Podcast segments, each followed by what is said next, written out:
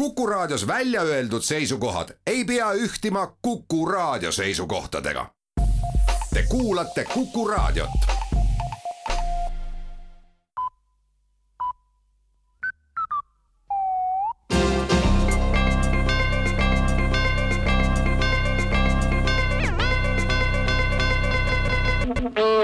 tere kuulama uudiseid stuudios Rohke Debelak kaitseministeerium ja kohalike omavalitsuste esindajad arutasid eile koostöövõimalusi linnaelanike kaitsmiseks uusaasta pidustuste ajal esialgu lepiti kokku raketitõrjesüsteemide kasutuselevõtus, mis aitaksid kahjutuks teha hoonete suunas lendavaid ilutulestikurakette.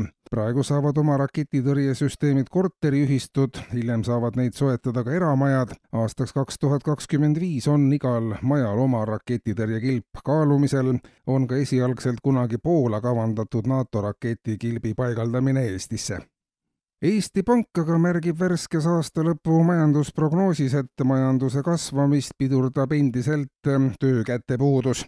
Tööjalgade puudus on samuti päev-päevalt kasvamas, erandiks on aga töö tagumike ülejääk, sest tagumikutundide tegemise vajadus kuivab aasta-aastalt kokku. kui töökäsi ja jalgu ei leita piisavalt, on ainukeseks väljapääsuks lõpuks pea tööle panna, see on aga seotud suurte raskustega, sest pikki aastaid on otsustajate tasandil pead kasutatud ainult selleks, et sellest kätega kinni hoida, mis tegi ka raskeks nii töökäte kui tööpea samaaegse kasutamise lahendust ei paista kusagilt, tõdetakse prognoosis ja lisatakse, et käed vajuvad lihtsalt rippu valitsuse ökonomistide ring on aga valmis saanud uuringu, mis puudutab tubaka ja alkoholi ennetamiskampaaniate maksumust ja saavutatud tulemusi. Kuna just tulemused on vaatamata suurele kampaaniatele kulutatud raha hulgale need, mis panevad muretsema, siis on ka välja töötatud uus lähenemine. seni sai paljudest eri allikatest pärit tubaka ja alkoholi ennetustöö põhilise raha endale kõikvõimalik administreerimine, nüüdsest aga makstakse igale tubakast või alkoholist loobujale raha otse kätte kui inimene poole aasta jooksul ei ole suitsetanud, makstakse talle tuhat eurot, kui pole aasta jooksul alkoholi tarvitanud, siis tuhat viissada. tulevikus on rahastatud ka enese kehakaalu vormis hoidmine ja muud tervislikud harrastused.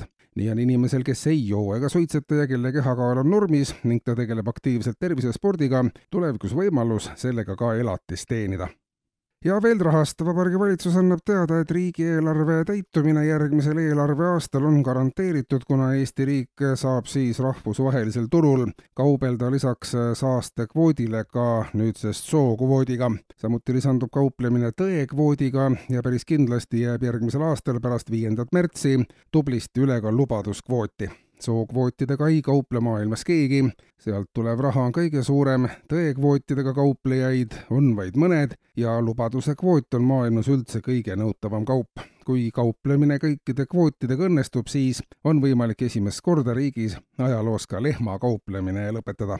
kuulsite uudiseid